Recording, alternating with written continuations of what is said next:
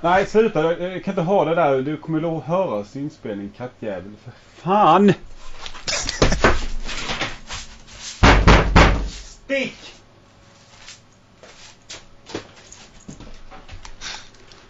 Gott humör idag. Nej, men det är så jävla irriterande.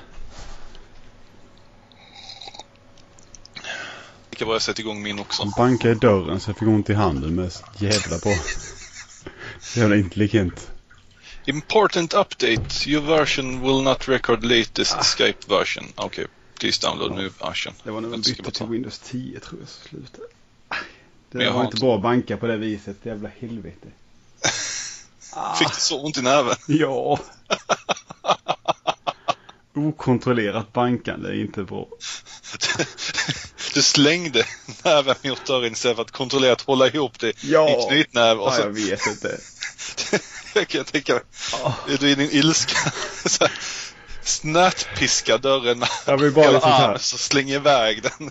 Så här bara, nu ska jag bara banka väck katten i helvete. Sen så bara... Bak, bak, bak. Aj, aj, aj. Jag kände redan...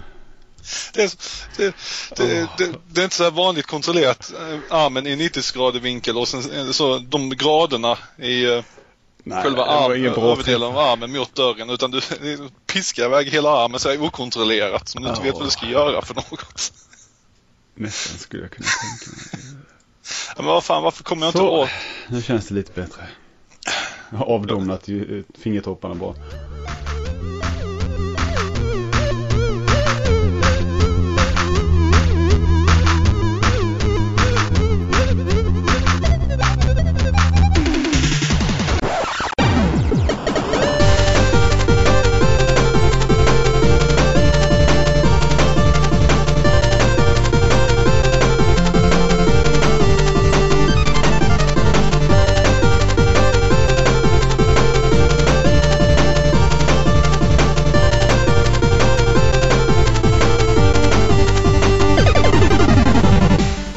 Spela in det, spela in. Oh yeah, yeah. Yeah, yeah, yeah. Hej och välkomna till TV-spelssoffan med mig Lenny och min kära kollega Stefan. Nej, lägg av. Det här är Pixel Polare, avsnitt nummer fyra. Fem ovanliga spel till Super Nintendo. Ja, Ja, Det är dags. men vi börjar med Raketligan-rapporten. Det visade sig att jag hade glömt fylla i statistiken för spelarstatistiksidan bara bara på fel match. Nej, hur som helst. Ska vi ta... Jag vet inte, jag kan kolla på tabellen först. Ja, eh, Team Pav leder ju då. wow! För att ni har ju egentligen lika mycket poäng och vunna rundor som raketkorvarna i och för sig. Så det är ju egentligen en, en delad... Det har ju inte hunnit skilja sig så mycket nu efter två omgångar. Nej, Eh, nej det, är- det är ju fortfarande väldigt tidigt. Ja, eh, och eftersom man bara kan få tre poäng och inte en poäng så blir det lite så här. Men sen är det, är det ju skillnaden i antalet vunna rundor som jag tror kommer skilja ur det på slutet. Eh, raketkorv, eh, trekraften där eh, på eh, tredje plats eller vad man ska säga. Blir det? Ja, där hör de hemma med tre. Eh, och eh, fjärde plats SB Climbers. Följda av eh, Raketligan FC. Supreme Athletes. Nord och Syd. Rövhattarna. Eh, ja, rövhattarna, det måste pixlas och nördar emellan har ju samma statistik där med noll vunna rundor och noll vunna matcher. Eh, I slutet av tabellen. Men vi tittar på skytteligan och den leds ju av Cyborg 20003 med 20 mål. 11 Oj, oj, oj. och 11 assists. Fan vad bra jag är. Ja, är du nöjd? Jag är nöjd. Andra plats eh, Niklas 147 från Raketkorvarna med 15 mål och 2 assist. Tre, tredje plats Diktator från Team Pav med 13 mål och 11 assist och eh, 4. Ikamido från Team Pav med 12 mål och 5 assist. På femte plats Nosys från SP Climbers med 12 mål och 2 assist. Ja, det får räcka med topp 5 tycker jag. Ja, jag, jag, jag, vill bara klar, klargöra här att hela PUB ligger i topp 5 då alltså. Mm. Till och med topp 4. Jag ligger på eh, sjunde plats. Vill jag bara så här, peta in. Ja. Men eh, efter senaste match där med Supreme Athlete så fick du ju en hel del poäng. Ja. Du gjorde ju en bra insats. Stabil. Ja, kändes väldigt stabil. Jag var inte så nervös heller som jag, som jag sa att jag inte skulle vara. Men eh, nog om Raketligan. Eh, vad har du spelat? Någonting spännande sen sist? Ja, jag har ju spelat Raketligan, eller Rocket League, men eh, förutom det så har jag även kört igenom två av spelen vi ska snacka om idag. Mm. Plus att jag är nästan klar med ett tredje. Oj, så det går framåt där med. Jesus. Jag har bara spelat dem flyktigt. Kan man väl, no, typ. Utöver det så har jag försökt sätta mig ner med Saints Row 4 och köra några timmar. Och det har ju det också blivit. Samt att de har ju släppt Amplitude nu. Mm. Och jäklar vad jag har spelat det. Jäklar vad jag har spelat Ja. Amplitude. Jag förstår fortfarande inte. Det, det är sånt där träffa knappar på rätt timing. Det är ett musiktimingspel. Ja, precis. Inte min... Så går det snabbt och det... Och jag Det går inte. jättesnabbt och det är jättesvårt och nej, det, det är, man får en käftsmäll hela tiden av spelet. Men Ja. det är så det ska vara. Och Jag har bara spelat Rocket League och Neotopia 2 utöver de här spelen som jag har testat. Lite, lite olika mängd av dem. Eh, Ja, Neoto- du fastnar ju väldigt mycket för Neutopia. Ja, jag tycker kanske tvåan är inte riktigt lika bra på något vis. Jag vet inte varför. Men det har... Det är kanske inte är nyhetens behag som ettan har. Ja, men de har, ju, de har ju nyheter i spelet. Men det, en av de här sakerna var ju det här att man kan hugga diagonalt med svärdet. Och så vill jag minnas tillbaka till när jag läste en utveckling, utvecklarintervju om Zelda 3, alltså A Link to the Past, då, eh, att de, eh, de, de tänkte haft diagonalhugg, men så tyckte de inte det funkade bra. Och så tog de det här att man hade snurrattacken istället. Och jag förstår nästan varför de inte, för att, att trycka diagonalt och ha det som en riktig riktning med, en, med, en, med styrkors. Det är inte riktigt... Alltså man kan ju lyckas hugga snett uppåt men det blir ofta att det ser ut som man fladdrar med svärdet fram och tillbaka mellan upp och eh, ner. Alltså någon av dem, Ja, bara, nej, bara jag förstår vad du menar. Så det blir väldigt så här att man... Du kan inte riktigt, du kan ju gå dit om du håller och sådär men du kan liksom inte bara... Det är det är svårt att få, bara få gubben att vinkla sig åt det hållet och stå stilla. Ja, att hålla den riktningen Ja. när man inte rör honom. Och då känner jag lite att de kunde nästan skippat det men det... Ja, ja. Eh, och vi, I de tidigare avsnitten har vi ofta pratat om eh, konsolernas historia innan men jag hoppar över Super Nintendo för jag vill ju göra ett fem vanliga spel till Super Nintendo i framtiden. Och då prata Ja. om, för att då, det passar lite mer in med eh, att prata om historien. vi kommer väl till det så småningom också. Ja, precis. i våra lite, avsnitt. Lite Link to the Past och Super Mario World och sådär. Får man kan få prata av sig om. Du, vi kan ju ha undertitel Fem tråkiga spel. Nej. Men vi börjar med första låten. Och den låter så här.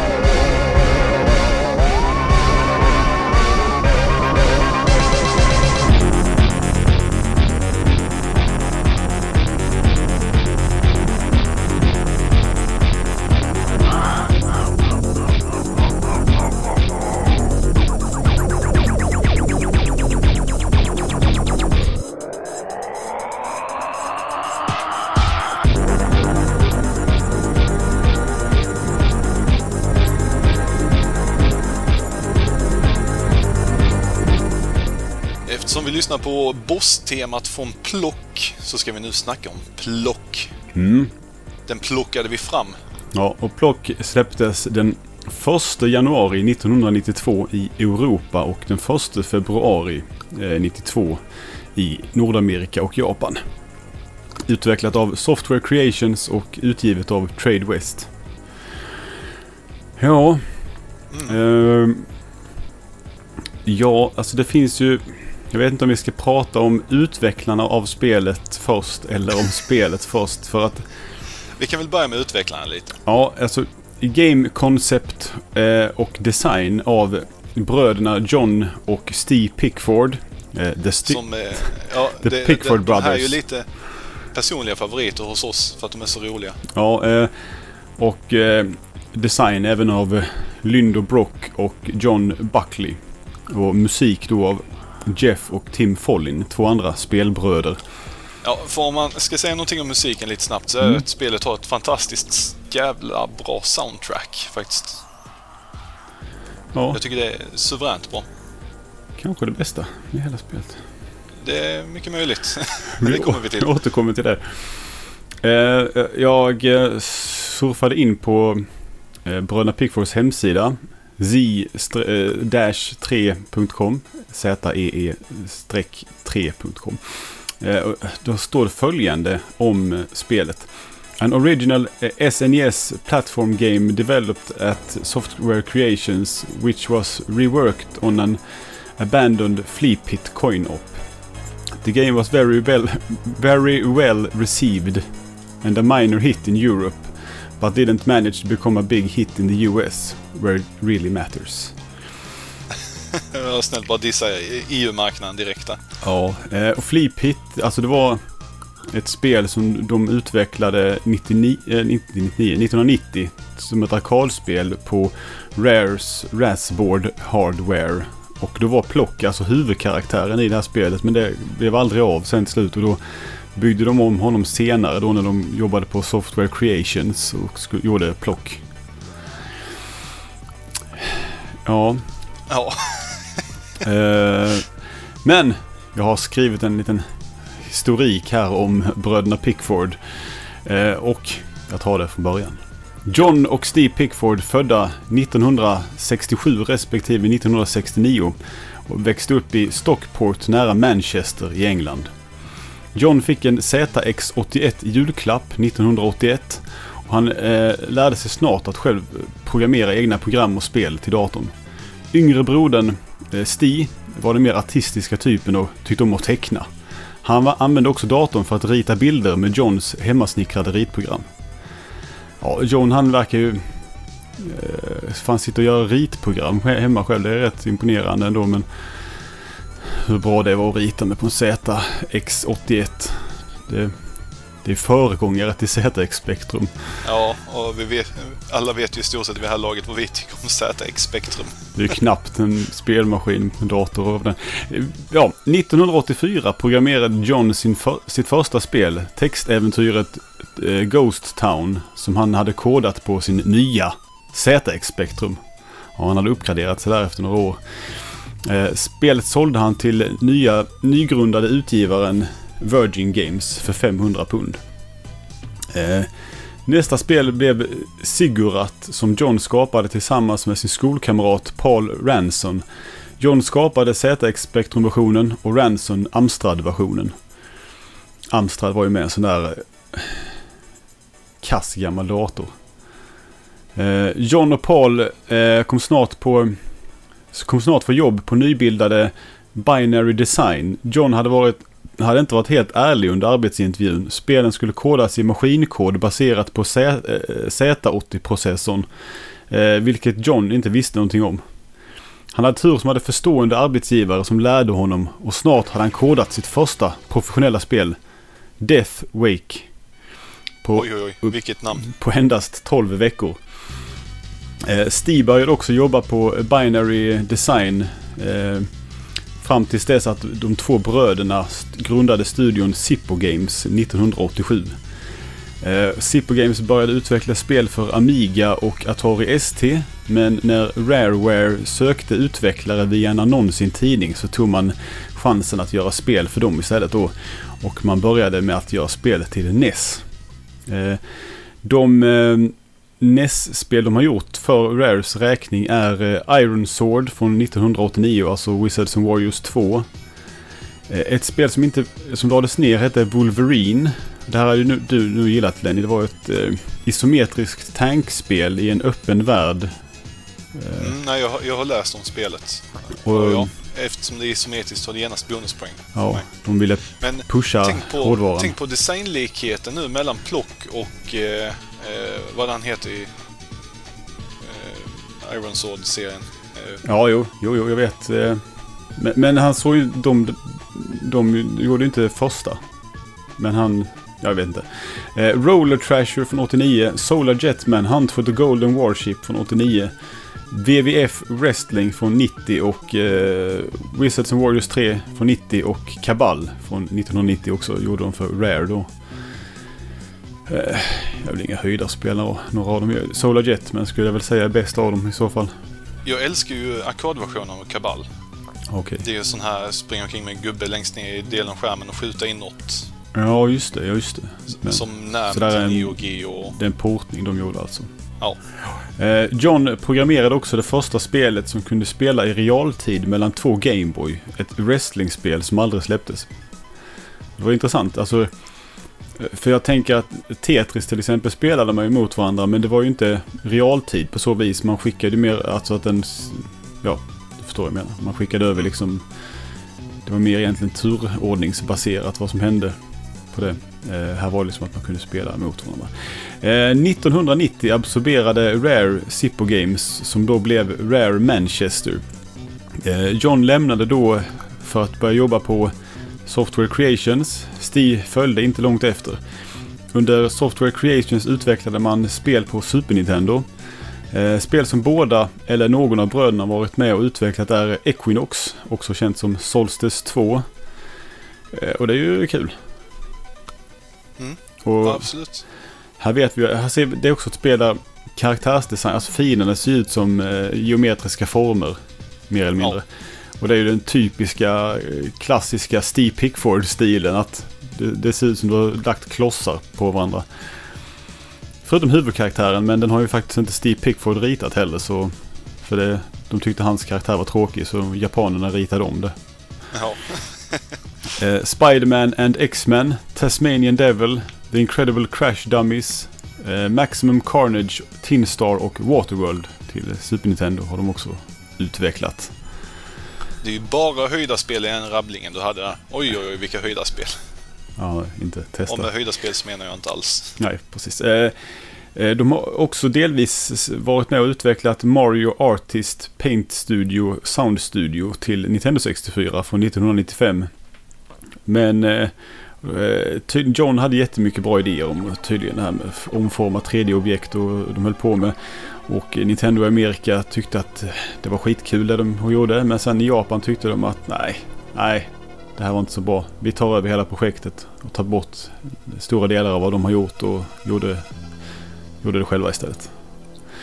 Men de har gjort någonting i det i alla fall. Eh, John och Steve lämnar Software Creations 1996 och grundar Z2. Här utvecklar man bland annat We- Wetrix och Aqua Aqua samt Worms Blast till GameCube. För eh, Team 17s räkning. Har, du spelat Wetrix och Aqua Aqua, de här märkliga pusselspelen? Jag har provat dem men jag har inte fastnat för dem alls. Aqua Aqua men- heter ju också Wetrix 2 i undertiteln. Ja, jag kommer ihåg när jag läste om Wetrix första gången. Jag tänkte åh, det här verkar underbart. Isometriskt Tetris-klon med vattenfysik. Mm. Det var så här, tre saker som var underbart coolt för mig. Men eh, när jag väl spelade spelet så tyckte jag det var skittråkigt. Uh, ja, jag, jag har spelat Aqua Aqua för jag tror jag recenserade det för Game Reactor. Jag kan säga att den recensionen baserades inte på mycket speltid. Uh, det var mycket hittepå.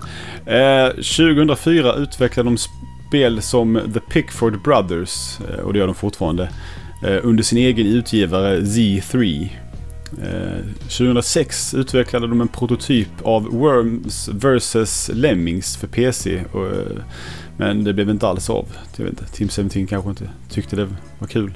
Jag vet inte. Det finns inga bilder på det heller. Jag vet inte hur de hade tänkt att blanda Worms och Lemmings riktigt. Eh, Men det hade varit kul. Eh, Så här, vad heter det? Träff... eh, Pricktavlor. Ja. Eller om Lemmings bara helt enkelt hade krigat tillbaka. Det hade varit kul. Då hade Lemmings gjort något vettigt i alla fall. Eh, ja, eh, på senare år har de utvecklat mobilspel lite. Jag har testat några av dem för några år sedan. De var lite småroliga. Eh, och Sti gör en webbserie baserad på Plock. Som vi ska prata om nu. Eh, ja, vi kan ta lite, lite kort om Software Creations eftersom det var under den studion de gjorde spelet också. Grundat 89, 86 menar jag. Eh, 2004 så blev de Acclaim Studios Manchester när Acclaim köpte upp dem och sen gick det åt helvete för Acclaim. Och, eh, studion är väl mer känd mest... Jag, jag, jag kollade i listan vad, vad, vad Software Creations har gjort. Alltså det, det här är det mest vettiga. Bionic Commando, datorportarna då från 88. Silver Surfer till NES. Eh, Solstice, The Quest eh, for the Staff of Dimnos. Det tycker du om Lenny. Ja, ja. Blaster Master 2 till Mega Drive. Ja, Det är ju ingen höjdare. Och Equinox som vi nämnde och eh, Spider-Man and Venom eh, Maximum Carnage eh, till Mega Drive och SNES. The Tick till Mega Drive och Tin Star nämndes innan och Carmageddon 64 till Nintendo 64. Ett av, de, Ja, det, det är ju det bästa av allihopa, det vet vi båda. ett av de senare spelen. De, jaha, nej, plock. Ett eh, plattformsspel. Action. Platt, eller alla plattformsspel är väl action egentligen. Ja. Eh, du, du får gärna, jag har pratat mycket nu Lenny, så nu kan du få prata lite om plock. Eh, ja, det är väl inte så jättemycket story i spelet egentligen. Nej, vad är storyn? Någon har snott Plocks flagga och han ska hitta den. Eller Ja. något sånt. Eh, man börjar ju spelet på en ö och sen har man olika punkter med massa flaggstånger. Så går man eh, till nya banor genom att röra sig på kartan, där, alltså Overworld Map. Och varje flaggstång är en bana. Ja. Sen eh, är det ett, precis som du sa, ett eh, 2D plattforms actionspel med plock, den här gulröda huvudkaraktären som ser ut som en påse med en påse med lösa armar och ben på sig. Ja. Lite, lite Rayman sådär med händer Ja, i luften och...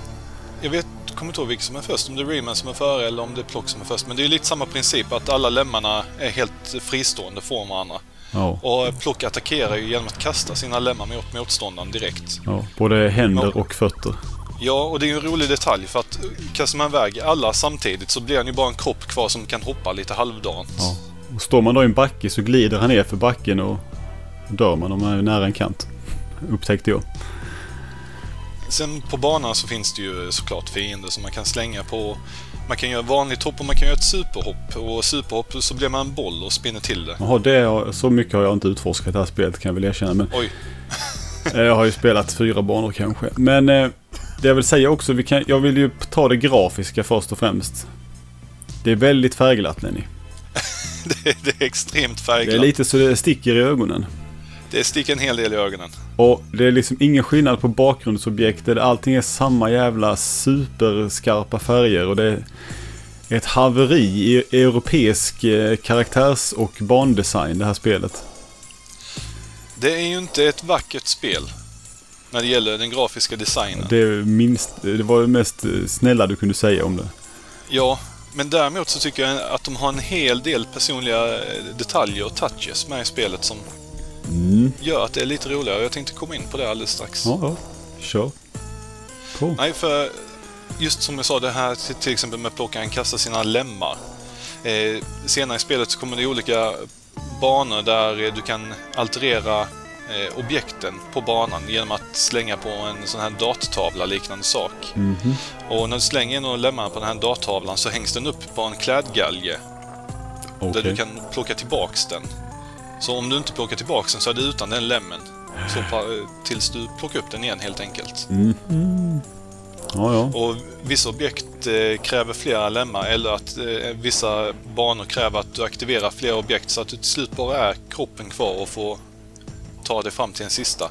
Sen utspritt också på vissa banor är eh, presenter där du får olika slags power-ups eller olika karaktärer. Jaha.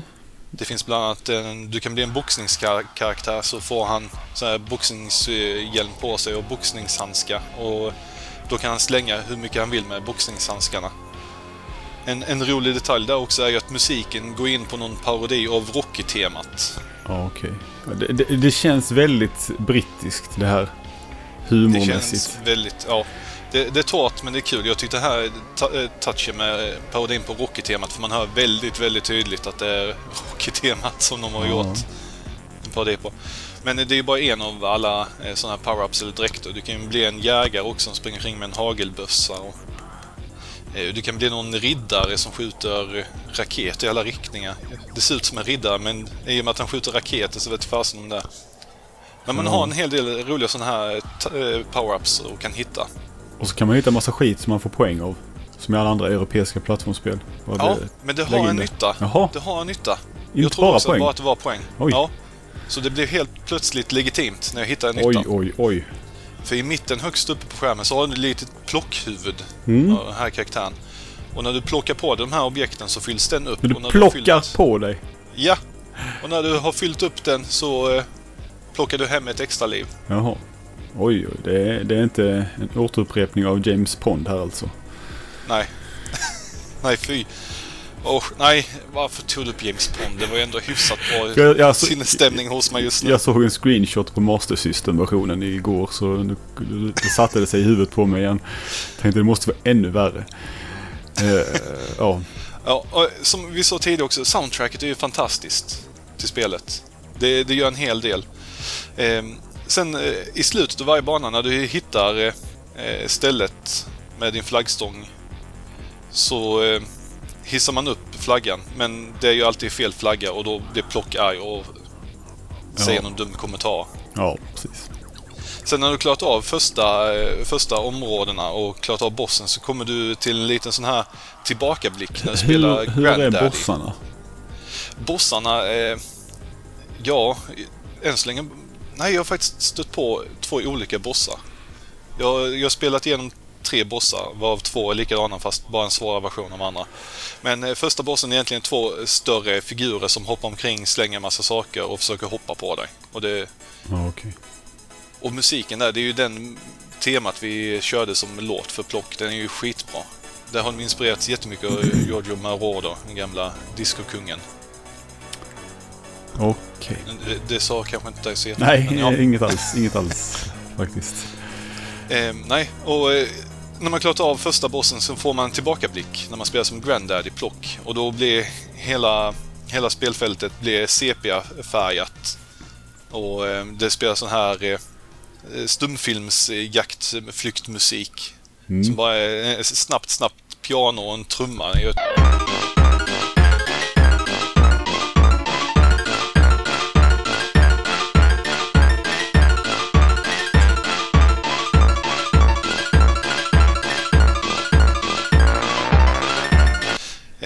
Efter det här däremot, när man även klarat av det här partiet, så är man tillbaks eh, till de här vanliga banorna. Och här har vi ju ett av de större problemen jag stött på i spelet när det gäller designen. Det är vad man ska göra på banorna. Jaha. För på de här banorna ska man nämligen jaga loppor. Flis. Flipit alltså. Ja. Och det är så tråkigt för att de är utspridda var som helst på banan. Och du klarar inte av banan för du har hittat och haft sönder eller haft ihjäl allihopa lopporna. Okej. Och det är bland det värsta jag vet inom speldesign. Det är när det är en helt, helt öppen värld och man ska bara gå och leta efter någon fiende och ha, ha ihjäl dem. Det är så jäkla tråkigt när Ja, det är så. det... Det är Men det. som tur är så väger faktiskt bandesignen upp en hel del för det i det partiet. Jaha. Just de här roliga eh, dresserna, power-upsen och i kombination med den här partierna måste aktivera, eh, ge sig ifrån lite lemma för att aktivera saker och ta sig förbi. Det, jag tycker det blir rätt kul. Från början vill jag avsky och ja, sluta spela det här spelet men jag tänkte nej, jag fortsätter spela ett tag till. Och jag måste säga att det har faktiskt eh, värmt upp sig lite för mig. Det blir alltså lite bättre än de första fyra banorna. Ja, det, det helheten gör sig mer påmind senare in i spelet. Grafiken får man lite överseende med tack vare att det är samma sak hela tiden. Rent Pl-. Plock i och- sig är ju ganska välanimerade och sådär. Ja, och ju, det här, hans krypanimation är så jäkla god. När han hukar ihop sig så svänger han med armarna, precis som när han går. Alltså så här, pendlar med armarna, precis Ja. som vanliga personer gör när man går. Men då roterar hans ben runt en axel så det ser ut som det är någon slags eh, tröskel eller sånt som rullar framåt. Ja, Jesus. Ja, det ser så jäkla härligt ut. Ja, jag kan föreställa mig hur det ser ut. Jag sket ju att kolla upp hur det ser ut. Eh, ja, Ja, och eh, han gör ju- alltså det är ju så mycket speciella saker. Som i slutet varje gång med flaggorna, han hissar upp flaggorna. Han hissar upp sin, sina byxor och blir jättesur för att det inte var hans flagga. Och, eh, när man spelar som Granddaddy så gräver man ju upp en massa saker för då letar man ju efter medaljong. Och gräver man upp gamla strumpor och skor och blir sura och sura och bara humbug och håller på Ja, okej. för varje, för varje bana. Ja. Nej, jag, jag ska nog fortsätta spela det här. Jag tyckte det Eh. växte på mig en hel del. Jag kanske kan testa lite till men jag är osäker på att jag kommer göra det faktiskt. Det är, alltså grafiken är så hemsk så jag... Ja, Grafiken är ju inte väldesignad någonstans. nej. Men vill, det, vill det är man se också mer... det mer... sämsta med spelet. För jag tycker det är rätt bra kontroll på honom. Ja, det tycker jag med. Alltså just, jag, jag gillar hur han... eh, Alltså det är skön kontroll och, och liksom det här med att man skjuter iväg händerna och fötterna. Det är ändå ganska... Det går snabbt och man kan liksom... Det känns bra. Och som, jag, jag, jag bara tänker att fan om de inte bara hade haft honom i ett lite mer... Ett spel som gick att titta på. Det hade varit trevligare ifall det hade varit lite mer återhållsam design. Lite mindre europeiskt. Det, lite mindre färger, lite mindre färgskalor. Ja, men, Det, det är det här klassiska som vi alltid diskuterar. Mm. Men gillar man plock så kan man ju då läsa den här jävla webbserien som... Eh, jag var inne och kollade lite på deras Patreon för de har ju en Patreon för eh, webbserien. För det är ju Stig som sitter och ritar för hand. Står det där men nu läste jag ju nyligen att han eh, har börjat rita det digitalt. Eh, men det är ändå så här handritat och färgläckt och... Eh, jag vet liksom inte riktigt... Han hade, de har 28 Patreons i alla fall så att någon tycker om eh, plock. Eh, jag har läst eh, plockscenen lite här nu eh, som research för det Ja. här, men det, det är ju inte... Det är inte kul. Jag läste på en, en strip de hade där på Patreon-sidan så träffade de en anka som var i Vetrix-världen. Jag blev väldigt konfunderad. Nej, nej det... Strunta i webbkomiken. Ja, det är väl nästan bäst. Är du redo för nästa spel Lenny? Jag är redo. Ja. Kör på. Då kör vi.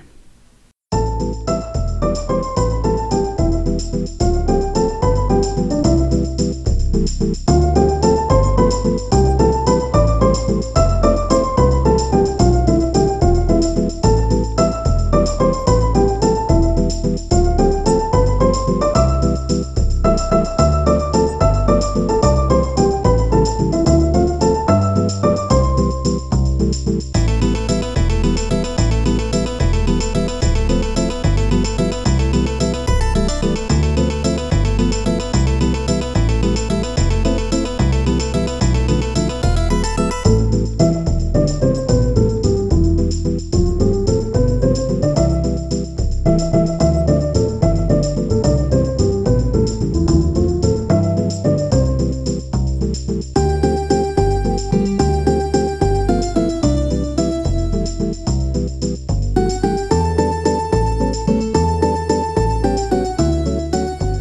melankoliska lilla biten är från Doremi Fantasy och heter Toying Around.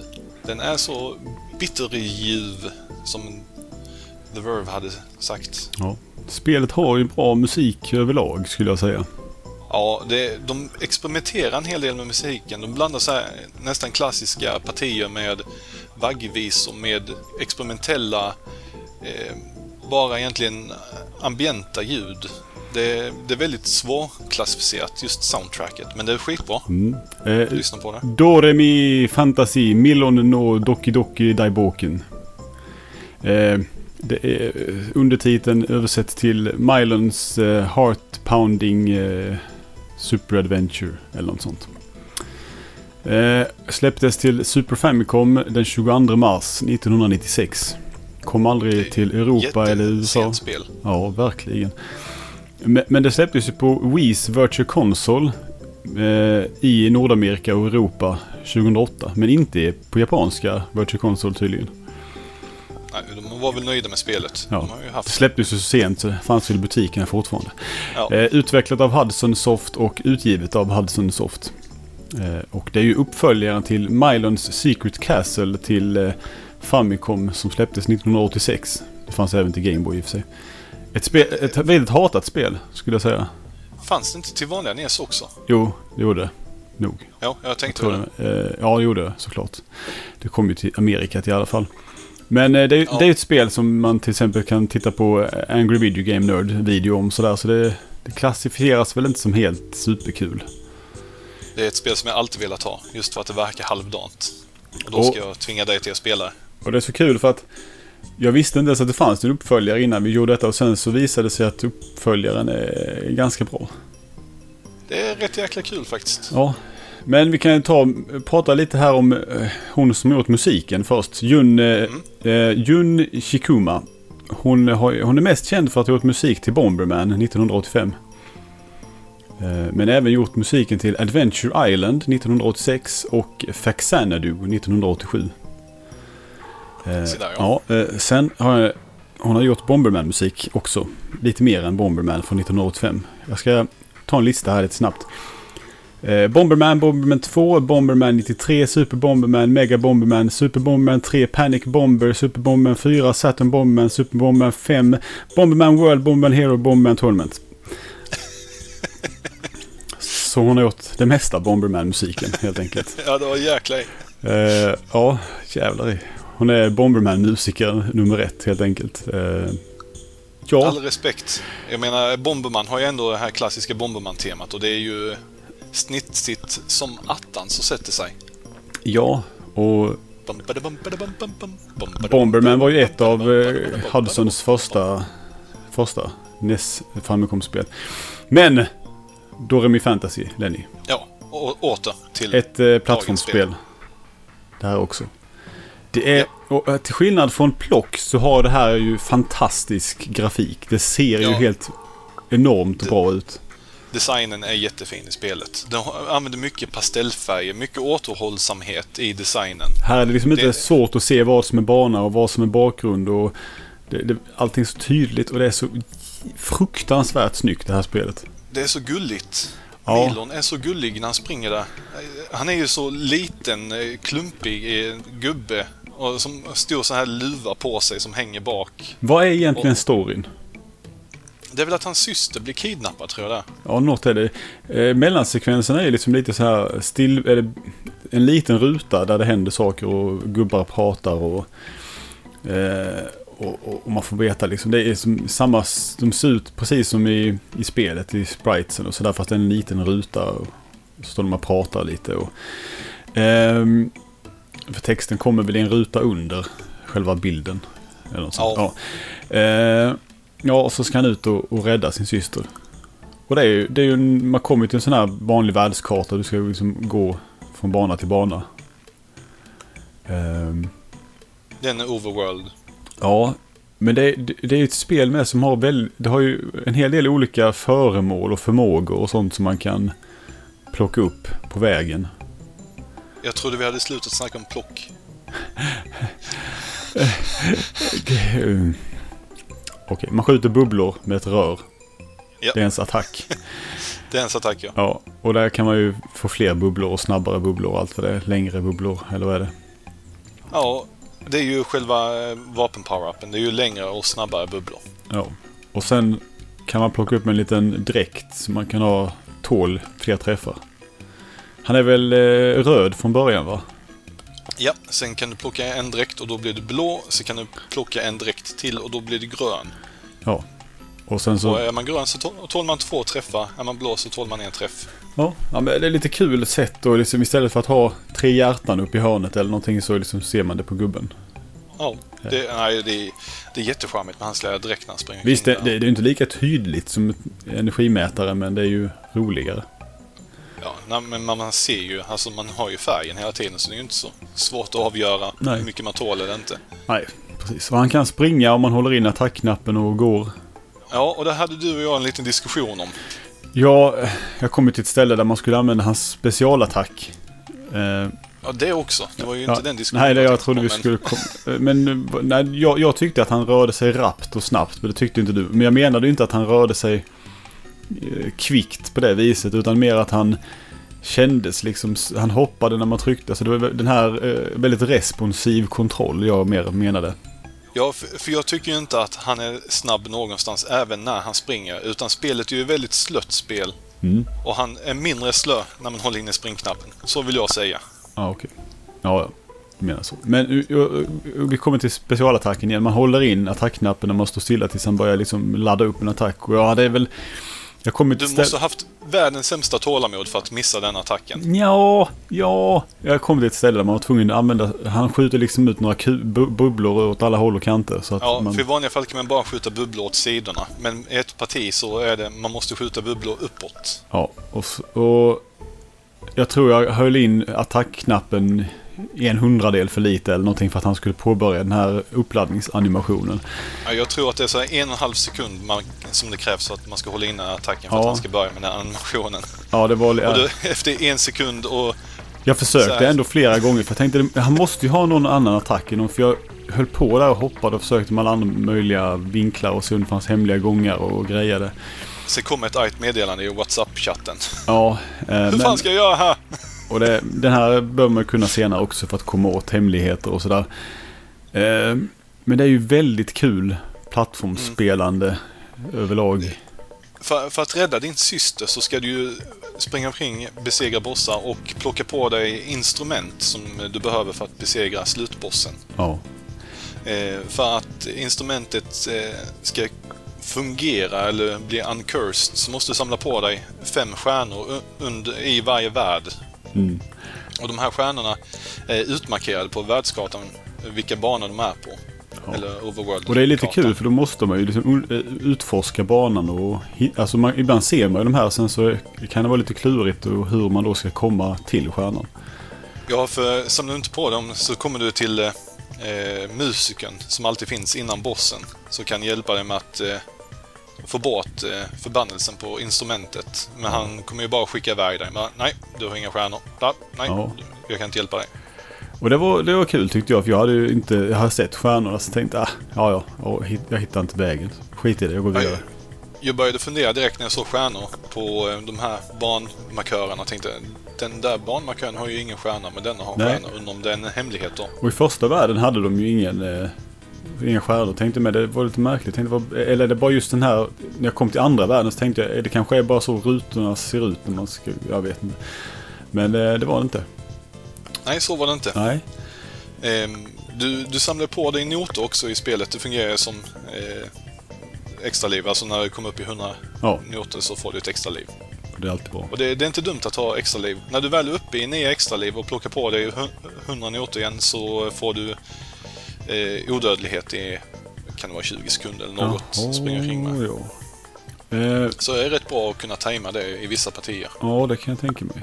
Eh, vingskorna är bra med tycker jag. De här som gör att man kan hålla in hoppknappen och så svävar man neråt istället för att falla Ja. snabbt. Ja, precis. Du har ju, vad är det, fyra eh, karaktärs-power-up, eller egenskaps-power-up. När det gäller, precis som du säger, det är de vingskorna så att man eh, svävar långsamt mot marken. Ja. Eh, du har ju tuggummit som gör att om du trillar ner ett hål så kan du åka upp igen utan att eh, dö. Ja, han liksom bl- blåser upp en bubbla och flyger upp och sen så varar den en liten stund så man kan rädda sig. Är... Sen har, sen har du även spikskor som kommer senare i spelet. Ohoj. eh, När du är inne i isvärlden. Som gör att du inte glatt omkring lika mycket. Trevligt, trevligt. Jag har för mig det var en till, men jag kommer jäkla inte ihåg vad det är för något. ja. Nej, inte jag heller. Eh, nej, nej, men strunt samma. Ja. Det är kul i alla Det, fall. det är jättetrevligt spel. Jag har ju hört folk snacka om det jättemycket då när han släpptes på Virtual Console och det har ju funnits eh, en eh, translation patch jättelänge till eh, rommen också på nätet. Men Jag har Ja. inte brytt mig om den. Nej. Eh, nej, jag funderar på om jag... För jag har ju spelat det på emulator. Men jag skulle nog... Jag tror jag ska börja om och köpa det på Virtual Console så jag kan spela det.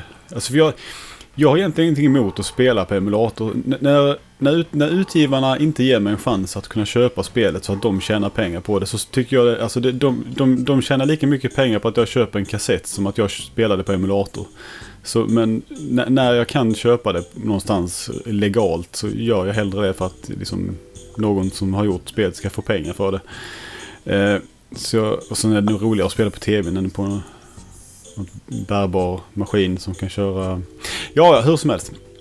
Eh, så därför har jag inte spelat det så mycket som jag hade tänkt. För att jag känner att jag vill inte spela om så mycket. Men jag vill ändå spela mer för att jag tyckte att det var kul. Eh, men jag tycker man ska... Det är 900 points på storyn där. Så, men jag tror nog det kan vara värt det ändå för det, det är ett jävligt bra plattformsspel. Jag körde igenom det. Så pass bra var det. Ja, ja, jag tycker det, det, var, det var kul. Kul. Jag vet inte vad jag ska säga mer om det. Att det är jättefin grafik och musiken är bra. Och gameplayet är kul och... Det, det enda jag kan egentligen klaga på det är lite hur han är i svängarna. Det finns vissa partier där man eh, måste snabbt svänga runt och skjuta bubblor på fienderna. Eh, han är lite seg i svängarna. Ja, det är möjligt. Han är ju ingen... Vi- Eh, Oj, nu kissar eh, Stefan här också. jag behövde mer kaffe kände jag. Försiktigt. Eh, Ja, vi, vi, vi har faktiskt inte nämnt hur bubblorna agerar med fienderna. När du skjuter bubblor Ja, på fienderna så blir de inkapslade i en bubbla. Är Precis lite- som i Bubble Bubble. ja, kla- det är lite märkligt. Men sen kan du inte ha ihjäl dem i sig. Utan när du hoppar på bubblan så åker de bara iväg. Ja, de Och flyger de liksom. försvinner. Och träffar de en annan fiende på vägen så blir den bubblad och flyger iväg också. Ja, Och men fienderna respawnar ju hela tiden däremot. ja det, det är de... Även när du, alltså, om du dödar den fienden och sen står du kvar på samma ruta så kommer den tillbaka på samma ställe efter en stund. Eh, det är märkligt. Lite ovanligt skulle jag säga. Mm. Eh, ja, kan vara irriterande ibland också. Det är många partier senare i spelet där man är lite irriterad över respawnande fiender. Men eh, Ja. överlag så är det inte så jätteknepigt spelet. Det, sista bossen hade jag lite trubbel med. Det tog några liv Ja, innan jag hittade mönstret. okej. Jag vet inte, jag tror jag är på tredje världen kanske. Något sånt. Men eh, som sagt, jag ska börja om på televisionen sen. Eh, när jag är klar med Neotopia 2. Mm. Mm, Neotopia. Eh, Hudson. Vad jag, vad jag börjat tycka om Hudson helt plötsligt. Och de finns inte längre. Synd. Jag ser det som en tjänst från mig till dig. Ja. Och så gör jag en liten gest här med handen så rullande. Nu, nu när nu de inte finns längre, då börjar jag uppskatta dem. Ja, Däremot, jag tycker inte om Bomberman så mycket som jag alltid i hävda, tid. men- Bla, bla, bla. Jaha, nej. Jag hade inget mer att säga om detta i alla fall. Nej, ska vi plocka fram nästa låt? Ja.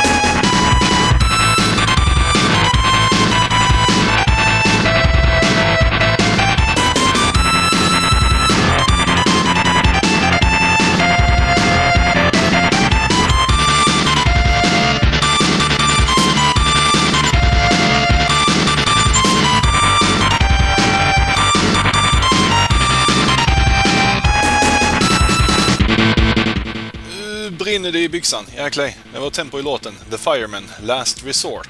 Ja. The Fireman. Brandfolkene! Som det skulle hetat på danska. Eh, släpptes den 9 september 1994 i Japan och någon gång senare under året i Europa. Eh, utvecklat av Human Entertainment och utgivet av Human Entertainment. Eh, lite kort om Human Entertainment. Grundat 1983. Eh, gick under år 2000. Har utvecklat lite spel. Eh, tänkte lista några här till Super Nintendo. Super Soccer, den gamla klassikern från 91. Eh, NES, eh, till NES har man då gjort Dance Acrobatics. Aerobatics. Eh, det- är ett dans, eh, den här eh, till mattan, vad heter den nu igen? Fitnessmattan i alla fall. Det, det ingår ju i den här fitness-serien tillsammans med de andra. Family Fun Fitness. Ja, Family Fitness. ehm, Powerpad tror jag den hette i Japan och eller USA. Ah, skitsamma, där Ja, har de gjort det. var i alla fall man gör, eh, man gör aerobics med en jävla matta och står och trampar så står det någon tjej och så är det lite samplat eh, tal tror jag till och med. Eh, eh, Kabuki Quantum Fighter gjorde de också Ja, till NES. Det är så jäkla bra. Till Nintendo 64. Airborder 64. Det är- Jag fnissar för att det är så jäkla kast.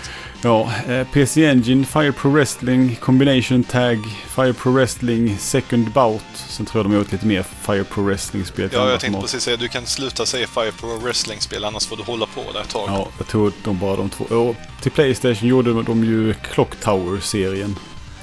Mm, kultklassikern. Ja. Eh, ja. Men nu ska vi prata om den här eh, förklädda shootern istället. Ja, som vi har ett brinnande intresse för. Ja, eh, precis. Eh, Och då har han väl inte ri- riktigt blivit släkt heller.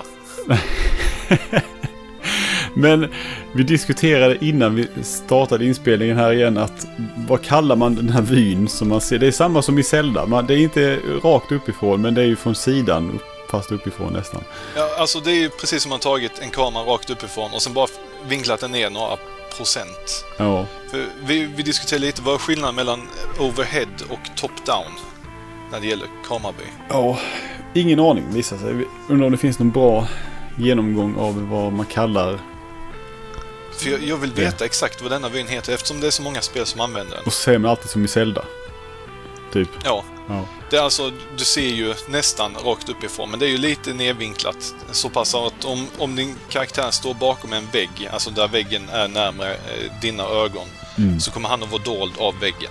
ja, precis. Men rent Men du kanske ser spelmekaniskt. huvudet. Rent spelmekaniskt är, känns det som att syftet är att man ska kunna se karaktärer på ett roligare vis och miljöerna ska kunna byggas upp roliga för att egentligen kunde det nästan varit uppifrån rakt.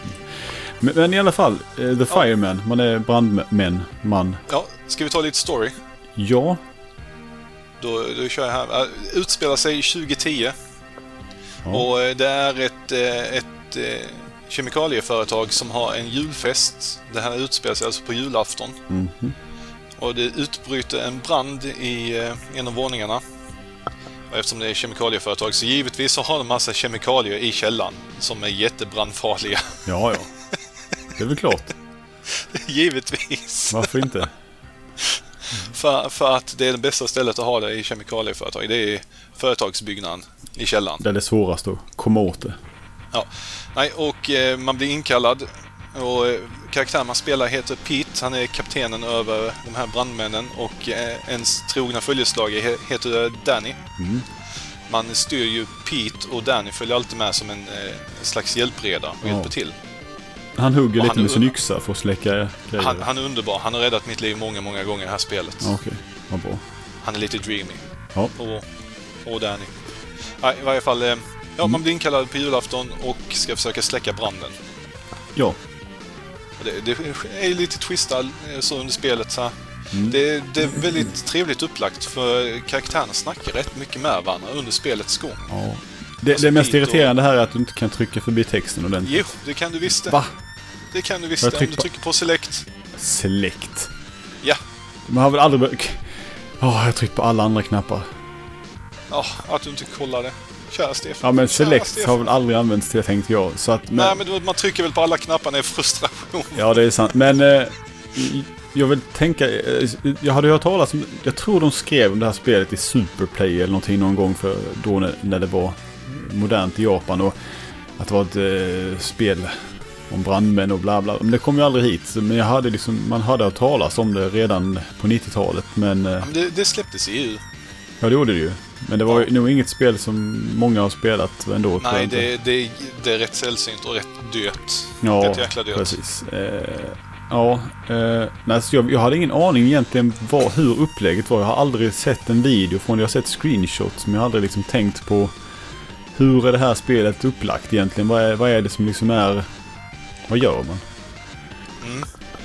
Jag ska, jag ska berätta lite om hur spelet i sig går till. Ja, Ja, Gör det, du styr som sagt Pete och han har en eh, outtömlig brandslang. ja. Jag vet inte hur det funkar, men han, han kan spruta vatten rakt framåt i en stråle eller han kan spruta ner mot marken. Och då ser det mer ut som att det är så här, eh, blir ett moln, eh, vattenmoln av det hela. Och det är som är skvättande. Ja. Eh, och på banan så finns det en, eh, två sorters eldar. Det finns antingen markeld eller eh, eh, midjeeld kan vi kalla det för. Högre Det är eld. alltså vad du behöver använda, vilken av de här två vattenattackerna du behöver använda för att släcka. Ja, den här markelden sprider sig oftast inte. Det finns några få undantag. Utan den bara är på sin plats tills du har släckt Det ser liksom ut hindrar- eh, som det glöder på marken lite. Ja, och den hindrar dig från att gå där. Så att om du ska kunna gå förbi det partiet så måste du släcka den. Ja. Eh, sen eh, fienderna i det här spelet är ju de vanliga så här midjeeldarna. Ja. Som, eh, för de kommer i olika former, i olika attacker och en Ja. massa... För, för, det, för det är ju en shooter, det är det ju. Det är ju Ja, bara, det är ju precis som du säger, en förklädd shooter. ja, och fienderna är olika typer av eldar som sprider sig på olika vis. Och, Mm. ja. Ja, un- under spelet så kan du också, eh, eller du har redan från början har du med dig vattenbomber. Eh, Två stycken vattenbomber. Så när de slänger ut så släcks all, all eld på det här stället de träffar. Och du kan hitta mer under spelets gång. Eh, Rätt trevligt, för du kan förstöra massa objekt i miljöerna. Till exempel när du kommer in i en restaurangdel och sprutar vatten så förstörs flaskor och glas. Och likadant fönster kan du ha sönder. Och det, det är rätt viktigt för eh, senare in i spelet, när du öppnar nya områden, så är det, måste du röra dig tillbaka snabbt för att det kan vara som så att det är backdraft in i det nya området, vilket gör att det kommer sprängas när du öppnar det. Ja. Du måste vara en bit därifrån, för annars tappar du jättemycket liv. ja, jag testade på det i, igår, på det, ja. igår kväll. Så att, eh, ja, jo. Tänkte, vad, vad gjorde jag för fel? Sen så... Det läste jag nog inte vad han sa sen. Nej. Ja, men Eh, Nu vet jag. Du har ju en livmätare, flera liv, continuous i spelet. Du får tillbaks liv genom att hitta medvetslösa eh, personer på de olika våningarna i spelet. det gjorde jag strax efter mitt backdraft där så att det var rätt bra. Ja, de placerar oftast ut dem väldigt lämpligt. Ja. Och då, man har ju någon mätare som visar en pulsgrej och som går snabbare och snabbare om man kommer nära någon då som är Ja, för att guida till vad den här personen är. Men eh, oftast är den faktiskt inte att du måste ta de här för att klara, utan du kan missa Ja. och gå vidare ändå. Och Danny springer ju iväg med dem eh, så de blir räddade. Han är jävligt snabb på att springa iväg och lämna folk och sen komma Ja, tillbaka. jäklar, han är bäst, Danny. Det, det är bara sekunder han är borta. Han kunna tagit sig igenom det här själv snabbt. Utan. Pete har ju som sagt eh, brandsläckaren och Danny har ju eh, yxan. Ja, Pe- och han Pete har ju också att mustasch. hugga sönder dem. ja, Måste vi... Pete är ju den äldre. Grå mustasch. Danny eh, blond, fräsig mannen. frisyr. Ehm, ja. Och jag älskar att Danny verkligen hugger sönder eldar. Ja, Han släcker dem med att hugga sönder eldarna. Det, det, Ja. sa, är sa du att när man kastar de här vattenbomberna så är det Danny som kastar dem? Man trycker på nej, det sa jag inte. Det har jag faktiskt inte ens tänkt på. Ja, nej, det är han som slänger ut dem så att... eh, Hans ansvar alltså. Ja. Ehm, jag tänkte på bossarna. Ja, Är, är det, Det är ju ofta så här mekaniska robotgrejer som har börjat brinna och löpt amok och skit. Och andra typer av stora eldar. Det är ju... Men- bossarna är ju nästan alltid en ren eld. Det är väl bara en Jaha. boss eller sånt som är någon Det mekaniskt är kanske... Det är bara för att jag mötte en sån precis igår kanske som jag tänkte på den. Men det var liksom så här... Säkerhetsrobotar har, löper amok för den brinner. Bara, Ja, jaha, nej, men- okej. Annars så är det egentligen bara olika sorts eldar som är bossar. Ja, och man ska spraya vatten på dem. Ja, det är ju... Det är så det är upplagt. Ja, Du kan, du kan även krypa i spelet. Det har jag helt glömt bort. ja just det. Det var kul. Och eh, senare in i spelet så kommer det att du måste krypa genom passager genom ventilationstrummor. Och Mm. likadant så kommer det eh, eldvågor. Att, de är, att rummet är, är så varmt så att det kommer vågor hela tiden du måste ducka under. Ja. När det pulserar fram. Åh, det var lite häftigt. Eh, sen finns det ju lite fler karaktärer också, fast de pratar man ju mest med. Ja, jag vet inte vad de heter riktigt, men man, man skäller en hel del på eh, han som arkitekten som har gjort stället. har en jätterolig dialog med honom senare in i spelet. ja, just det, han är med. Och sen är det den här, antar på centralen, brandcentralen och sen är det någon kille som ser ut som en brandman också. Fast jag vet inte vad han, Ja. är han utanför huset helt enkelt och bara... Ja, då, det är efterröjningen som eh, Jaha, två av dem tillhör tror jag där. Och sen har de en, eh, en eller två centrala som hjälper till att guida dem och ge dem Mm. tips. Min fråga är, är det ett långt spel det här? Nej, Det är det är verkligen inte långt. Det var mycket kortare än vad jag trodde. För man har tre continues va? Eller får man Ja. fler sådana? Jag har använt upp alla tre nu. Och du har tre liv. Jaha. Du, jaha. Ja, just det. Då kanske det är bara det jag har. Då har inte använt Eller alla det- continues. Det, var, Jag tror att det, det kan vara okänsliga continuous också. det kanske det är. Och sen så bara, men vad händer får man börja om när man dött. Jag tycker man börjar på exakt samma ställe varje gång man Ja, när, när du dör så får du börja om på exakt samma ställe. Det är bara att fortsätta. Men när du tar Ja. continue så börjar du om vid, efter senaste bossen. Jaha, okej. Nej, men då är jag med. Då är det inte så farligt. Men då är det, då är det nog oändliga Nej. continuous då. Jag, jag tror att reell speltid jag hade, det var kanske två timmar. Ja, Och sen var det jag färdig med spelet. det är väl snart vad jag har spelat i det så. Men det är, det är kul.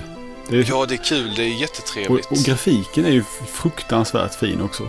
Det är varierande. Det är extremt välpixlat. Ja, det är... Och man, de här olika eldarna och man ser ju direkt på dem vad det är för sorts eldar och hur man, hur man ska attackera dem eller akta sig för dem. Och Ja, det är väldigt, väldigt fint pixlat. All, all eloge i hela världen ungefär till det här. Att få eldar till att ha så mycket olika karaktär. ja. Alltså det var det, precis som det jag sa innan. Att jag hade ingen aning om hur det här spelet skulle te sig riktigt. Men sen så när man liksom... Ja, Väl sätter sig ner och spelar så är det ju det är skitkul. ja. Är, du, du kan ju... eh, Din karaktär, du kan ju låsa fast honom i en riktning så att han strafe-skjuter. Och det, det är ju jätteanvändbart i många partier i spelet. Ja. Det är en sak man ska lära sig direkt. Precis. Eh, Jag, jag sitter här och tittar på spelet på Ebay faktiskt för att se vad det kostar. Det, var, japanska versionen verkar inte vara så dyr. Nej, nej men det, det, så brukar det ju vara. Men eh, här har vi första resultatet då. Japansk 257 kronor. Fri frakt. Sen har du en eh, europeisk kassett 1800. Ja. Det är lite Och det skillnad. man kan missa är ju storyn då i, i och för sig. Men har man en retron så kan man ju översätta spelet. Så att då kan man ju köpa det japanska. Ja, för jag rekommenderar verkligen spelet. Det var skitkul. Även om det var jättekort så var det skitkul. Ja.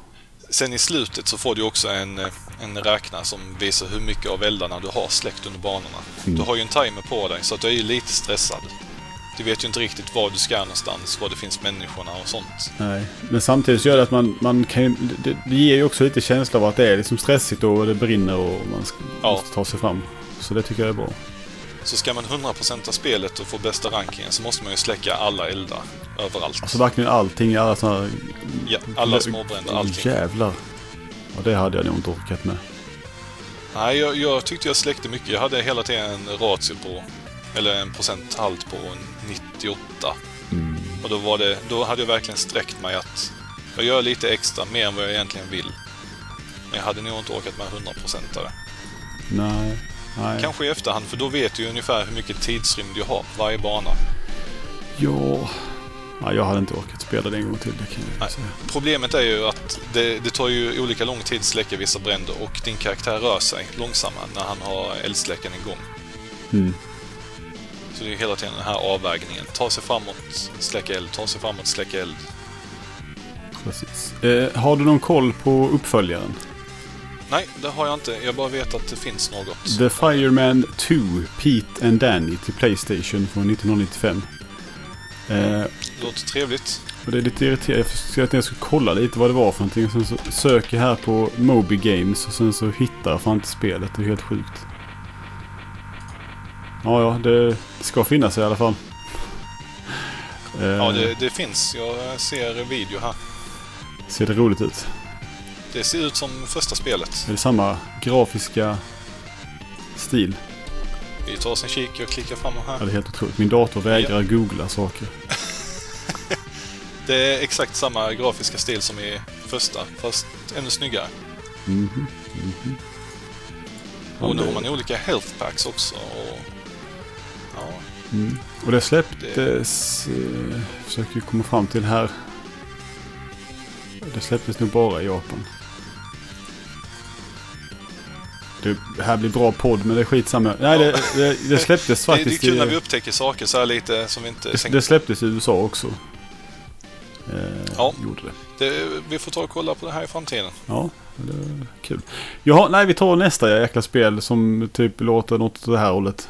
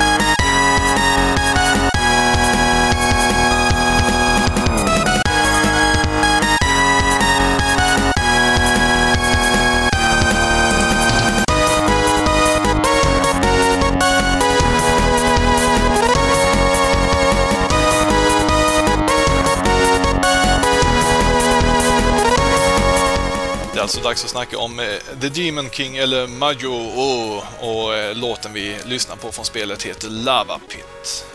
Ja. King of Demons. King of Demons. Ja. Eh, släpptes den 25 augusti 1995 i Japan. Utvecklat av KSS och utgivet av KSS. Mm, KSS stöter man inte på så jätteofta. Nej, eh, företaget grundades 93. Eh, lades ner 2001.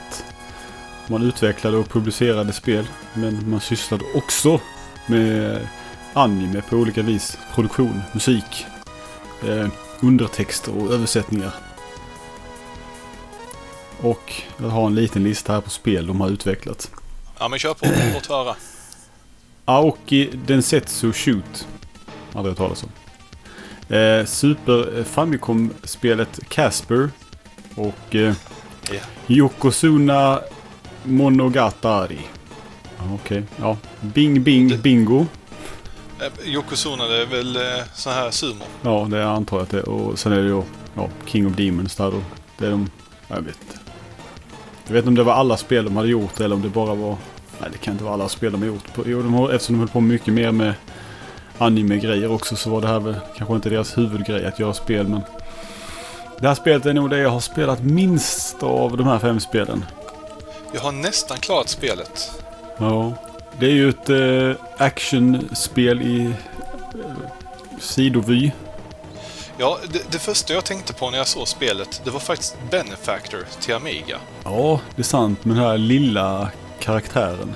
Ja, för karaktären är ju väldigt liten, men samtidigt väldigt välpixlad. Ja. Men det ser rätt fult ut när han skjuter. Ja, ja, det finns ju bättre och det finns sämre saker med just karaktären. Men, men, vi kör på igen. Ja, Storyn. ja. Du, du spelar som en eh, kille som heter Abel. Och det har vi direkt bibliska referenser där ja. Eh, hans vän Bayer har förrått honom. Han har offrat eh, Abels familj för att återuppliva Lucifer. Och han själv blir en demon. Ja. Och då ska man givetvis hämnas som Abel. Ja. Med följer hans ande i, hans, i form av hans döda fru. Ja, just det. honom och hjälper honom som en liten fe och även hjälper honom med olika krafter under spelets gång. Är det hans dotter som lever som han ska rädda? Nej, allihopa är döda. Jo, nej, just, jo, Hans, dottern hans, lever. för, för frun säger ju det. Hon lever fortfarande men jag Ja. hjälper dig. Och så blir hon en liten fe. Ja, det, det var jag som blandade ihop Ja, det. Men okej. det stämmer precis vad du säger. Men jag måste bara säga, här i introdelen i början, precis när han, när han blir knockad av den här demonkillen som har eh, svikit honom. Beijer. Ja, om man ser hans fru så är hans dotter där också. Det är det, det du tänker på? Nej, eller? men det kom upp en bild på dem och de liksom pratar till den. Men den här bilden är jätteful. Ja, det är ju typisk anime-stil, men de ser helt deformerade ut i ansiktet. Det känns lite så här, eh, någon eh, som inte riktigt kan anime som försöker härma att rita anime. Den, Mm. den eh, typen, att man liksom, ja, Och- det är något som är fel här. Och det här, jag blir fintad också när jag, när jag säger det att eh, dottern också är död, för att man ser ju dottern här i den här bilden tillsammans med frun. Ja, ja det är jättekonstigt. Eh, ja, Men, men Ja. vi kör på. ja, gör det. Jag, jag, jag kan inte säga så mycket om spelet, Nej. så Jag, jag kan snacka lite om gameplayet. gör så. Ehm, det är som ett stelt Castlevania eller som ett mindre stelt Ghost and Goblins. Ja, det var nog en bra beskrivning. Du springer omkring med din lilla gubbe i början och skjuter. Och varje, när han skjuter så kan han inte röra sig utan han blir låst i den positionen. Och det är väldigt lång eh, animation som han blir låst, eller animationstid när han skjuter också som han blir, låst. Och när, när han skjuter så liksom ser man att det är rekyl på pistolen. Men händerna rör sig inte utan pistolen vinklas uppåt. Men armarna och händerna rör sig inte. Det är det jag menar att så jävla fult ut när han skjuter. Men vad som blir positivt av det här är att allting han träffar får en liten träffanimation. Och eh, Mm. det är en liten sån här blodstråle. Ja, Så att utöver det så är det faktiskt väldigt välanimerat och spelet är väldigt, väldigt fint pixlat. Jag skulle Ja. ju säga att det ser mer ut som ett eh, tidigt Playstation-spel än ett SNES-spel jo, i det, är- det är faktiskt väldigt Och- fint rent. Det var mer det gameplaymässiga som föll för min del. Men det var inte heller dåligt. Men det var mer att jag tyckte det var väldigt... Det var inte dåligt men det var ointressant på något vis. Nej, när du spelar Abel, han kan göra dubbelhopp, han kan gå framåt, han kan göra en, en undanmanöver genom att trycka ner på hoppknappen. Eh, och som sagt, det är väldigt stelt. När han väl påbörjat ett hopp så kan han inte justera det. Och det är det jag menar med Ghost and Goblins och Castlevania där lite. Mm. Eh, så det gäller ju hela tiden att göra den klassiska i andra hoppet, att slutjustera med hjälp av andra hoppet. Istället för att köra första hoppet som en def definitiv platsförflyttning. Ja. Ja, u- utöver det så, ju mer fiender han har ihjäl, desto mer byggs hans livmätare på. Så det är något slags e- experience-system inbyggt där. Han kan göra en uppladdningsattack. Eh, hitta lite liv på banan och så, men när man klarat av bossar så får man lite olika val av eh, juveler. Du kan nämligen eh, förstärka din karaktär in i olika demonstadier. Demonstadier Okej. och få olika krafter därigenom. Jag har själv bara spelat som den gröna demonen som har någon slags sån här eh, bumerang eh, lie-attack. Ja. Men det finns en röd och en blå demon som man kan välja mellan. Och det beror på vad det är för sorts färg på den här juvelen man plockar efter varje boss. Okej. Okej. Och eh, även uppladdningsattackerna blir annorlunda beroende på vilken eh, sån här power-up du eh, väljer att spela som. Ja. Eh, jag tror jag kom till första bossen när jag spelade här. Eh, det var någon grej som grabbade tag i en. Men den här spindeln i hissen. Herre jävlar vad irriterad jag blev. Han är ju jättelätt ju. Ja. Du, Han- alltså, hela, du står ju i en hiss som är väldigt så här eh, morbid, massa klägg ovanpå och Mm. hänger rankor ner. Ja. Så kommer det en stor spindel som om du, om du är i samma plan som honom så grabbar han tag i dig. Ja. Och han kom ju alltid rakt på mig och hann inte hoppa undan. Ja, i, i varje fall efter han har försvunnit då, om du blir tagen och han släppt dig, så kommer det trilla ner två saker från taket, två slemklumpar. Ja. De står där bara i mitten och skjuter lite snabbt på marken genom att tuka dig. Ja. Direkt när du skjuter sönder dem så går du bara ut till någon av kanterna, väntar någon sekund och sen går du mot mitten. Då kommer, så länge du håller i rörelse när spindeln kommer ner så kommer han inte lyckas ta dig. Nej, och jag Och lyckades han- med det några gånger. Men sen hela tiden så var han lite för nära mig och fick tag i mig så jag inte hann skjuta på honom. Och, Ja, det, är- det är just det att du måste gå ut till någon av sidorna helt och hållet och sen gå därifrån för annars så hinner ja, du okej. inte Annars kommer han, i rörelse. annars kommer han för nära mitten för att jag ska... ja, Okej. Ja, Ja. eh, Ja. i varje fall, eh, ja sen när han har missat att ta det så är det egentligen bara till att vända om och skjuta på honom som en idiot. Ja, det var en tråkig boss. Och det, som sagt, det är ju så fint. Just det här när man skjuter på fiender och det blir de här träffarna och det blir lite blodstrål och sånt. Det, det är så väldigt fint gjort, spelet. Designen är skitbra, tycker jag. Mm. Det är Ja. mycket detaljer, det är inte mycket återanvändning i spelet alls. Och fienderna är mångt och mycket olika och olika attackmönster. Och det är bara synd att det är lite stelt eh, i karaktären. Han har fått vara Ja. lite, lite friare.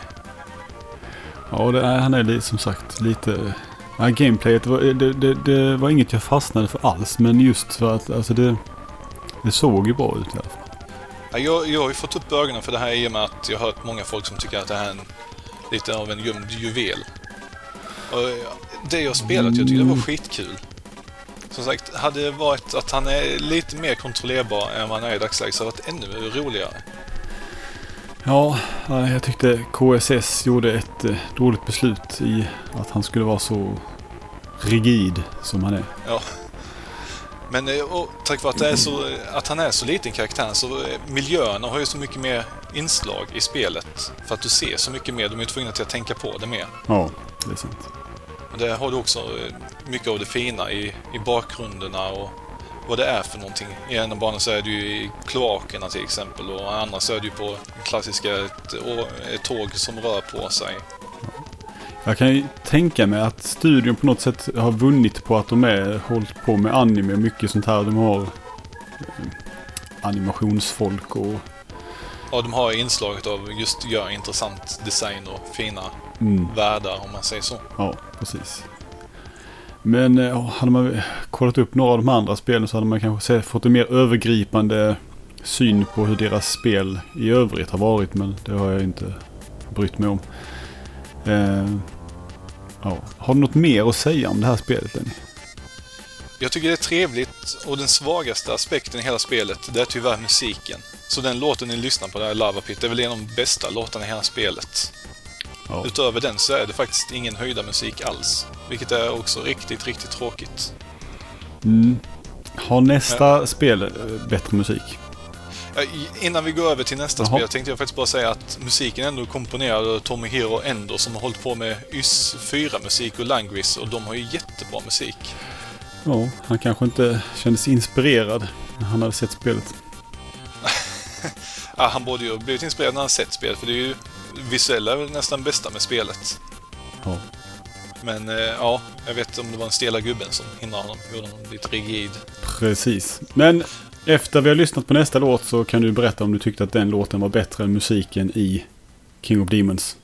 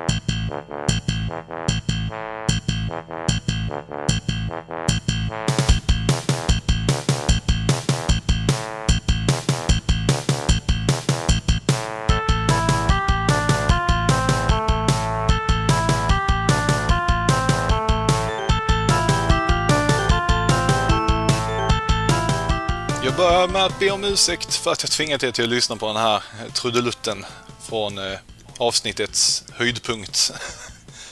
nu ska vi alltså snacka om Super 3D Noah's Ark, eller vad det nu heter. Ja, alltså det, det på vissa ställen står det Super 3D Noah's Ark och på vissa ställen står det Super Noah's Ark 3D och på utvecklarens hemsida står det Super Noah's Ark 3D så vi får väl gå på det helt enkelt. Ja, det, Eh. det är blandade uppgifter.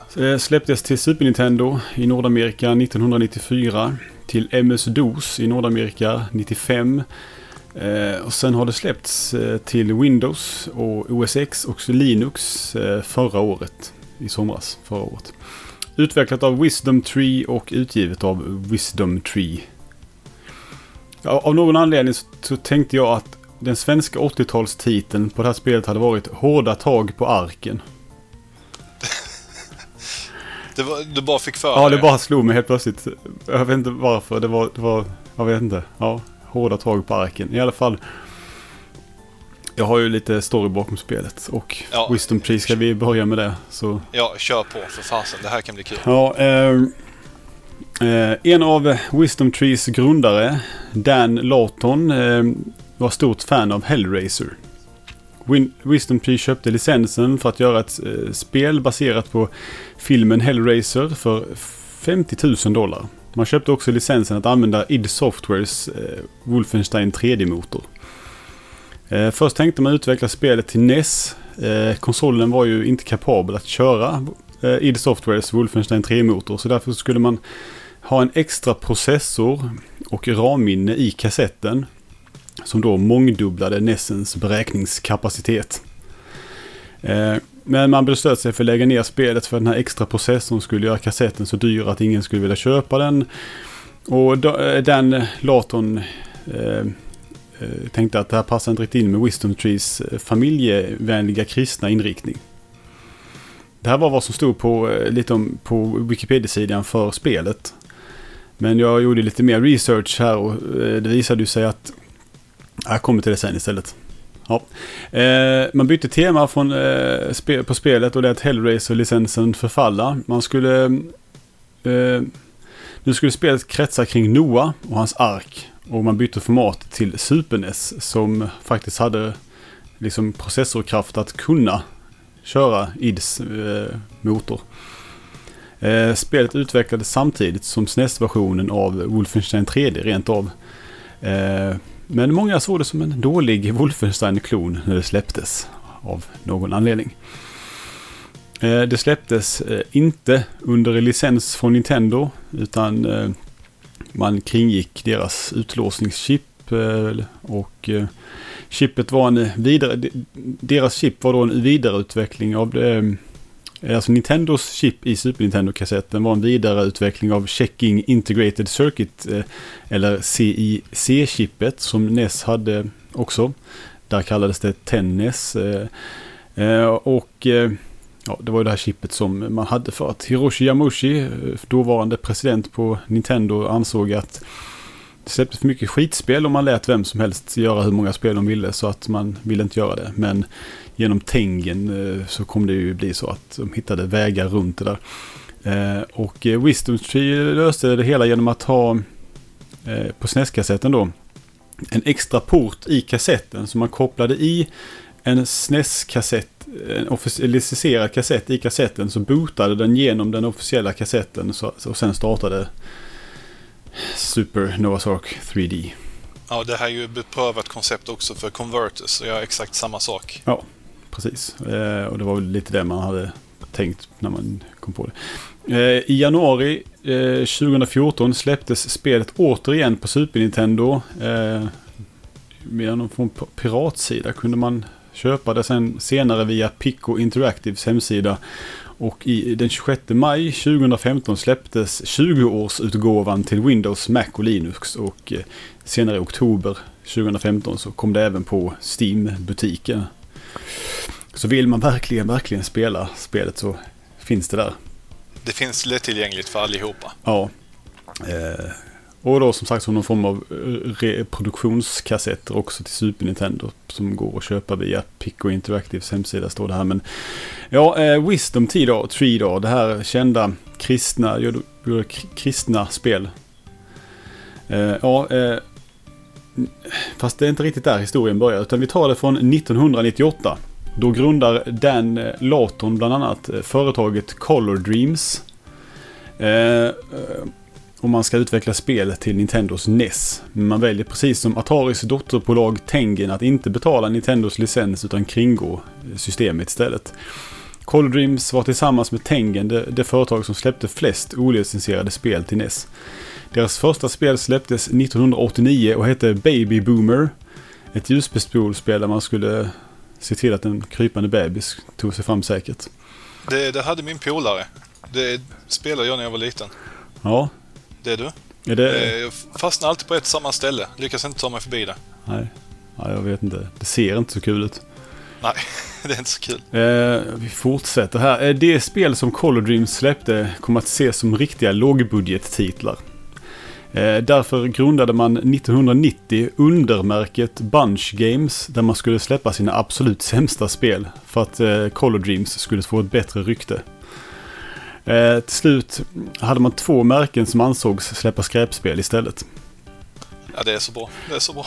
Under Bunch Games släppte man bland annat Galactic Crusader, Mission Cobra och Moon Ranger. Det här är väl spel som typ ingen ens vet vad det är för någonting för att de är så jävla dåliga. Jag måste kolla upp det här. Fortsätt du med storyn så ja, kolla lite. De har gjort fler spel. Eh, 1991 grundade Color Dreams också Wisdom Tree för att man skulle släppa spel med kristet tema. Eh, och det här eh, vill jag då visa på att man, man ska helst kolla ett par källor innan man tror på en Wikipedia-sida. För eh, det var ju Color Dreams som skulle utveckla det här Hellraiser-spelet och inte Wisdom Tree. Så att, att, att de inte gjorde på grund av att det inte passade med det kristna temat var ju inte sant utan det var ju bara för att det var för dyrt. Eh, ja, hur som helst. Under Wisdom Tree utvecklade man klassiker som Bible Adventures, Exodus, King of Kings, The Early Years, Joshua and the Battle of Jericho, Spiritual Warfare, Bible Buffet, Super 3D Noah's Ark, Sunday Funday. Eh, och Sunday Funday är ju bara en omskinnad version av Color Dreams Menace Beach. Det är ju en gedigen hög spel där hör man. Ja. Eh, och till slut kan jag säga då att på Wisdom Trees hemsida nu så kan du faktiskt köpa den här nyutgåvan av Super Noah's Ark 3D och även av Mr. Bloppy Saves the World till SNES. De säljer även eh, manualer till Bible Buffet och Bible Adventures till NES. Ja. Mm. Och något som står på deras hemsida men som inte finns att köpa där är att de har eh, släppt en NES-kassett med alla deras NES-spel i ett. Och även en Mega Drive-kassett med fyra av NES-spelen fast i Mega Drive-utgåva. Oj, oj, oj. Bland annat då Bible Adventures. En, eh, härligt spel. Ja, det är ju givet köp. Ja. Vad är köpknappen? Vad är Ja, köpknappen? den är där på hemsidan. Eh, jag länkar den i avsnittsbeskrivningen om man vill. Wisdomtreegames.com Ja, om man nu mot förmodan vill in där. Eh, ja, eh, ja, men som sagt spelet är ju baserat på Wolfenstein 3D-motorn. Det är ju en första persons skjutare vi pratar om här i biblisk miljö. Ja, och rent tekniskt så är det ju inga hjälpmedel alls i snesen som används för att eh, få den här eh, Wolfenstein-motorn att fungera. Utan det är ren och skär programmeringsteknik. Det är inga Mode 7 utan det är ren och skär processor. Ja. Och jag tror att när de köpte licensen från id Software så fick de också SNES-versionen av den. Så att de behövde liksom inte konvertera PC-versionen direkt. Nej, de behövde bara roa sig med att rita upp roliga djur och texturer. Ja, för er som har spelat Wolfenstein 3D så är det ju ett spel där man går runt och skjuter nazister i labyrintaktiga banor. Och eh, vad är storyn här egentligen? Noah han, eh, djuren är bångstyriga. Eh, Ja, du har, du har ju plockat på dig en massa djur till arken. Ja. Precis enligt den klassiska historien. ja, precis. Sen är de lite hungriga, djuren. Och då blir de ju griniga och arga. Så Ja. att du ska springa omkring och mata dem tills de somnar. Ja, och eh, Lenny, hur matar då Noah djuren? Ja, man kan ju tycka att han borde ju ha djuren inhägnade och enkelt kunna hälla lite mat i follan för varje djur. Men nej, Nej, nej. de är ju totalt bångstyriga, springer omkring fritt. Och då har du ju inget, annat val än att skjuta mat på dem med en slangbälla.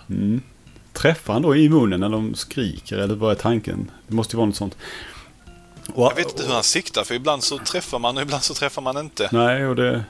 Man skjuter där omkring djuret någonstans och sen helt plötsligt så somnar de. För de, de är tydligen så mätta så de somnar direkt på stört. Eh, och...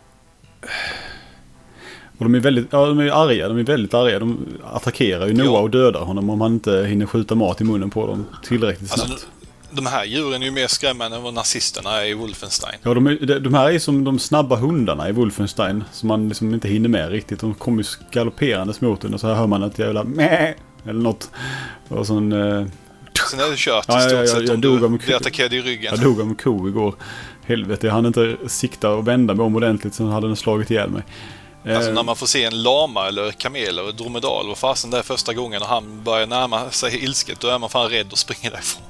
De första, första jag att säga fienderna, men djuret det är ju geten och den bara springer på en. Men kon den verkar ju spotta på en eller någonting. Ja, jag vet inte om det ska vara en lama eller vad det är för något. Den första är ju en ko, det är ju en sån här klassisk svartvit ko. Jag har alltid det- tolkat det som lama, men det ser du vad man kan tolka annorlunda. Nej, det här kan du inte ta. Lama kom säkert senare i så fall, men just den jag tänker på är ju en ko. I alla fall så, så spottar de och gör, för Ja. att göra skada på avstånd såklart, för det måste ju avancera på något vis. Det var, det var ju i och med sportattacken som jag tolkade som en lama. Och på tal om eh, förklädd shooter så här försöker man ju med göra att det ska vara liksom lite trevligt att de somnar och sådär, men det är ju det är precis som att spela Wolfenstein. Fast med, Det är ju mer hemskt än någonsin. fast med en slangbälla. Och nej, alltså det är så jävla tråkigt. Det är så dödens tråkigt det här spelet. Det är ingen bra musik. Det är ingen bra version av Wolfenstein-motorn. Nej, och... och ja. Och det är så tråkigt. Ja, Och sen är det det här labyrintbanorna. Wolfenstein är ju inte kul egentligen för att det är så jävla mycket. Allting ser likadant ut och här är det bara träväggar överallt i stort sett. Och det bara ränner runt och arken verkar ju oändligt stor. Ja, det måste den ju vara också. Ja, för av någon anledning har ju Noah prackat in 300 getter och 300 kor och, och det ena och Jag förstår inte riktigt vad, vad som hände där. Vem var, vilken är revisorn? Vad slog det snett i? Så när jag har hört berättelsen så var det två av varje djur som han tog. Men här var det tydligen... Det var 300 av fem sorter istället. Ja, precis. Finns det, några, finns det några bossar i spelet? Eller vad man ska säga? Ja, det finns bossar i Är spelet. det, är det större djur då eller? Vad? Ja, okej. det är större djur. Elefanter kanske, jag vet inte. Jaha, ah, gisses, alltså det är så tråkigt. Och sen de olika vapnen är bara olika bisarra versioner av slangbällor. Jaha, man... Ja, just ena det. mer bisarr än den andra. Skjuter man snabbare då bara eller? Ja, det är ju, det är ju samma system som i vanliga Wolfenstein. Alltså du går från eh, pistol till k-pist till minigun. Fast här går ju från en slangbälla till en slangbälla med tre gummiband och till en mekaniserad slangbälla som man vrider på ett hjul. Det de egentligen har gjort är att de har ritat upp lite egna labyrinter och sen texturerat om hela spelet. Ja, Nej, nej det, är, det är inte så man känner att efter en bana så känner man inte så här oj, oj, oj, vad händer härnäst? det är snarare oj, oj, oj, hur snabbt kan jag stänga av det här? Ja, det... Men eh, ja, skulle man... Jag har, ju, alltså jag har ju tvingat mig själv till att spela igenom säkert tio banor i spelet. Ja, ja, jag, jag dog halvvägs in i andra banan och sen tänkte jag att eh, nej, nej jag tror, Jag jag, tror, jag tror det inte blir mer än så här. Jag känner mig rätt nöjd där. Det, det är egentligen vad jag borde sagt för åtta banor sedan jag med. Ja, ga- ganska nöjd. Ja, jag, jag vill gärna inte prata mer om det här spelet. Nej, det är ju det är ju så bisarrt så att det är kul. Alltså själva existensen av spelet är ju roligare än vad spelet är. Ja, och att det skulle vara ett Hellraiser-spel från början. Ba, bara den kontrasten, att gå från Hellraiser till ett bibeläventyr. Tydligen var han här Dan Lawton, han är stort Hellraiser-fan så han vill ju göra ett Hellraiser-spel och la 50 000 dollar på licensen och, och sen visade det sig att det gick ju inte att göra till NES. Nej, Dan, du är dumma i huvudet som ens försökte. Jag hade gärna velat se någon prototyp de försökte med på den där. Jag, är mer, jag är betydligt mer intresserad av att se en prototyp till NES, eller en version till NES, än att se SNES-spelet igen. Ja. Och För jag, då hade det i varje fall varit lite tekniskt underverk att få in en eh, 3D-motor på det sättet till NES. ja. Och den här PC-utgåvan som har kommit nu på senare år. Den verkar ju nästan vara så här community-byggd och sen har de släppt den officiellt och tjänat pengar på den. För att någon, alltså det är ju ändå ett Super Nintendo-spel som någon har så här bakåt... Um, back-engineered till PC igen på något vis. Har ritat om texturen och flyttat över. Och, Ja, vem som nu skulle ens orka göra det med det här, ja jag vet inte. Det är väl bra för att folk ska få... Nej, nej det var inget. Eh, ah, det här spelet alltså. Ja. Det här spelet. Vilket skräp. Ja, att de väljer att släppa reproductions av det också. Eller, Ja. nej det räknas inte som reproductions eftersom det är samma företag som är inblandat i det igen. Ja. De måste ju ändå vara... Fast det verkar som det, det är folk som inte har haft med att göra från början som har gjort det på den här piratsidan som det stod. Men sen har de kanske bara sagt att okej, ni får inte sälja vårt spel men vi kan sälja det. Ja, eller något. antagligen. De har ju gått in och plockat på spelet eftersom de har rättigheterna till det. Ja. I, efter vi hade spelat in förra avsnittet så föreslog du att vi skulle utse avsnittets spel efter varje avsnitt. Och eh, ja, det tänkte jag att vi kunde Mm. göra nu. Game of the show. Ja, vad tycker du Lenny? Jag, jag står på gränsen mellan eh, Dorime Fantasy och eh, eh, Fireman. De var ju faktiskt... De stod ut över allting annat. Helt klart, jag skulle med ta dem. Jag skulle ändå välja Doremi Fantasy före The Fireman. För att det... Jag vet inte, det överraskade mig lite mer. Ja, nej men helheten är, är nog lite bättre i Dorime Fantasy. Även om jag gillar den pixlade grafiken mer i Fireman. För att Ja. det är så fint med den här top-down och detaljerna. Ja, det Det har en... inte riktigt samma detaljrikedom i Dorime Fantasy, men helheten i Dorime Fantasy är nog... Det är nog den som verkligen slår ut det andra spelet. Och The Fireman Ja, ja. då på en värdig andra plats kan vi säga då. Ja. Ja. Sist. Super Noah 3D Ark, Ja. eller Ark 3D, Noah Ja. 3D. Och Plock näst sist kanske. Eh, ja, det, det blev det ju. Men även om jag tycker att det växte på mig. Jag vill inte säga att det är ett jättekastspel. Det kanske inte är så jättekul, men eh, det, det är nog inte riktigt lika kast som det förtjänar i rykte. Jag tror dess utseende inte gynnar det Nej, många, speciellt. många blir avtända där direkt och det, det, det har jag full förståelse för. Ja. Jag Men ibland med. så är det värt att ge det en, några extra timmar. Mm. Ja, och vad ska vi prata om nästa gång då? Ja du Stefan, då för nästa avsnitt ska vi snacka om fem grön-nyanserade spel till Gameboy. Wow, wow, wiwa. Ja, lite Gameboy. Mm. Lite klassiskt. Spännande. Eh, spelen är Pocket Bomberman, Quirk, Batman, Kirby's Dream Land 2 och Kid Dracula. Ja, det ska bli spännande. Det ska bli skitkul. Så blir Jag ser det- verkligen fram emot i varje fall ett av de här spelen. Ja. ja, precis. Jag med. I alla fall två, tre som jag inte har spelat riktigt av dem innan. Och så blir det nog lite Gameboy-historik också skulle jag gissa. Original Mm. Gameboyen. Hur kom den till? Varför? Och så vidare. Eh, ja, och man kan ju kommentera här på, eh, på det här avsnittet på videospelsklubben.se under avsnittet och på vår Facebook-sida. Eh, Facebook.com videospelsklubben. Och så går det ju att mejla oss på pixelpolare snabel a gmail.com. Ja, och kom igen. Lägg lite kommentarer och dylikt nu. Det, det är extra kul när vi har kommentarer med och kan diskutera det också det är Ja, alltid uppskattat. precis. Och det- Stefan. om ni vill säga någonting om spelen eller om Gameboy eller era minnen av Gameboy eller era favoritspel till Gameboy så går det också bra. Eller om ni bara vill att vi ska prata om något annat. Vi har utrymme för annat än de fem spelen. Men Ja, ja, och vi öppnar för förslag också på avsnitt. ja precis. Om man vill ha, komma med något tema. Det är alltså allt och ingenting ni kan snacka om i kommentarerna, helt enkelt. Ja, och eh, uppbyggnaden på tema är fem någonting spel till någonting ofta. Ungefär den ska det vara. Fint. Eh, ja, tack för oss. Det var avsnitt fyra och det var kul. Mm, det var kul. Hej då. Hej då!